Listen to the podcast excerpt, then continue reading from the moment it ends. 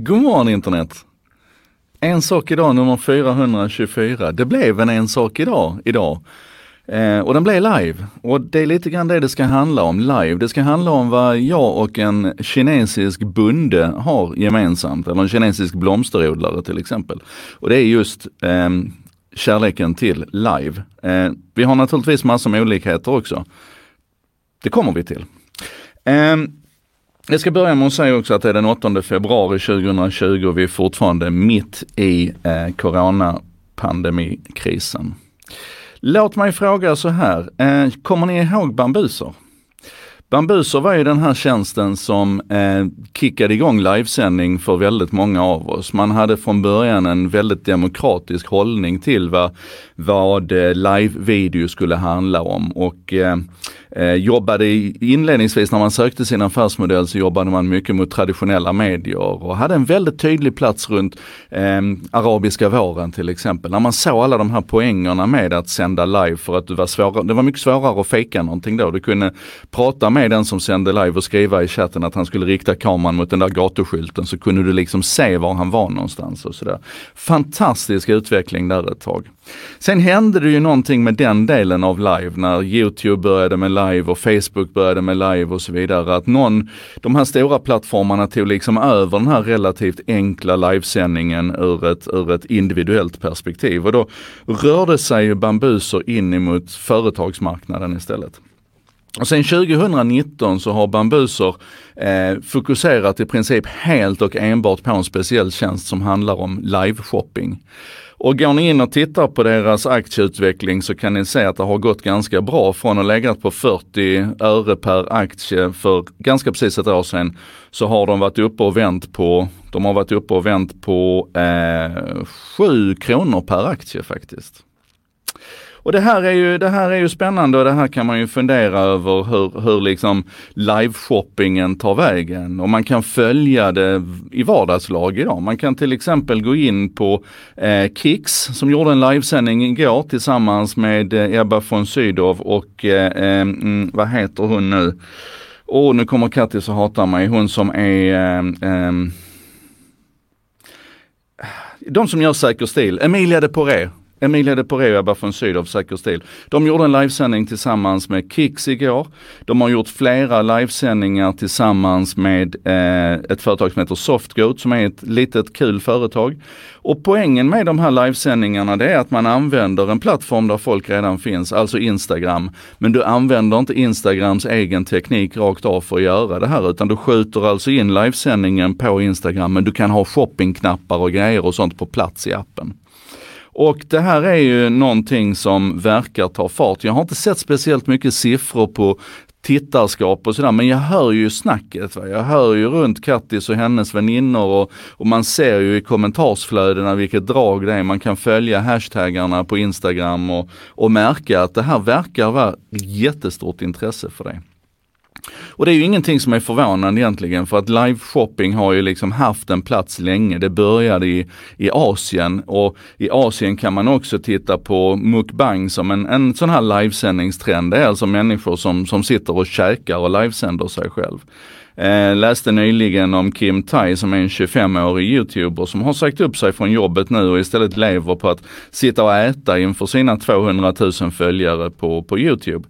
Eh, hon ligger någonstans på en halv miljon visningar per, per video ungefär. Och, och det är verkligen som det låter. Hon sitter och käkar. Och det är mycket problematiskt runt det här som, som diskuteras och sådär. Ett annat område där livestreaming är jättestort, det är eh, eh spel. Man sitter och spelar alltså och livesänder sig själv. Och den största outleten för det Oj, jag skulle ju sluta dela. Eh, så. Den största outleten för det, det är eh, Twitch. Eh, som just nu i denna stund när jag går in och tittar har 98 869 kanaler igång, alltså livesändningar igång som ligger och pumpar. Under april så var det totalt 7 213 644 individer som körde livesändningar på Twitch. Alltså inte som tittade på live, utan som sände live. Man är uppe i 1,8 miljarder timmar, tittade timmar på livesändningar, livestreaming av andra som sitter och spelar. Är det inte häftigt? Som mest så har det varit 4,4 miljoner inne och tittat samtidigt på en och samma, en och samma sändning. Eh, och man kan väl anta att det var någonting från Ninja då som är störst på den här, i den här branschen. Men det var inte det det skulle handla om nu, utan jag skulle försöka knyta ihop den här säcken runt live och shopping och visa på någonting nytt som har dykt upp nu i coronakrisens tidevarv. Och, och då är det ju så här att väldigt mycket av dem, det vi har sett av live hittills, det har ju varit drivet av individer. Plattformarna ställer tjänsterna till förfogande men det är individerna som driver. I Kina nu så har de två stora aktörerna Taobao och JD vänt på det flödet lite grann. Man har alltså etablerat livesändningsplattformar för liveshopping då. Och, och, det har funnits ett bra tag nu. Men vad man gör nu i coronakrisen här, det är att man aktivt går ut till, i det här fallet då, till exempel en blomsterhandlare som, som jag läste om, eller en blomsterodlare. Och, och, så säger man till honom att här är liksom ett format och här är tekniken, han får en kort introduktion och sådär. Och sen uppmanar man honom då att, att köra igång livesändningar där han pratar om sina blommor och sin verksamhet och interagerar med kunderna och ger dem råd och tips hur de ska göra och hur de ska vattna och allt vad det nu är med de här blommorna som de har köpt då förhoppningsvis ifrån honom.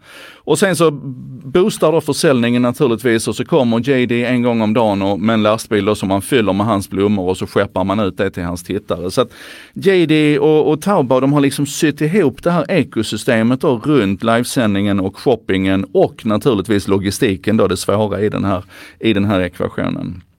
Och bara lite siffror då, om vi tar Taobao till exempel så har de redan nu 50 000, det man kallar för rural streamers, alltså landsbygdsströmmare då, eh, eller landsbygdsstreamare. Eh, bönder som sitter där ute och oftast då bönder eftersom det är landsbygd och, och streamar med en, ett fokus på att, att sälja.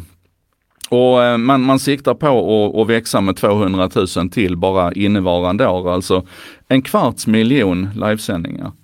Och för de här producenterna som sitter där ute och livesänder då, så, så finns det siffror på att de har gått ifrån att ha 100 till kanske 90 procent av sin försäljning i den fysiska världen och kanske en liten, liten del så här med e-handel. Så har det flippat helt nu, inte bara på grund av corona utan på grund av mekanismerna som är så starka i detta, till att de säljer 90 till 100 procent av sina produkter online istället. Um, när, när jag har lite mer tid här sen så ska jag, jag ska läsa på lite grann mer, för nu refererar jag i princip enbart till en, en artikel som jag har läst på MIT Tech Review. Eh, och jag lägger länken till den också, men den postades igår.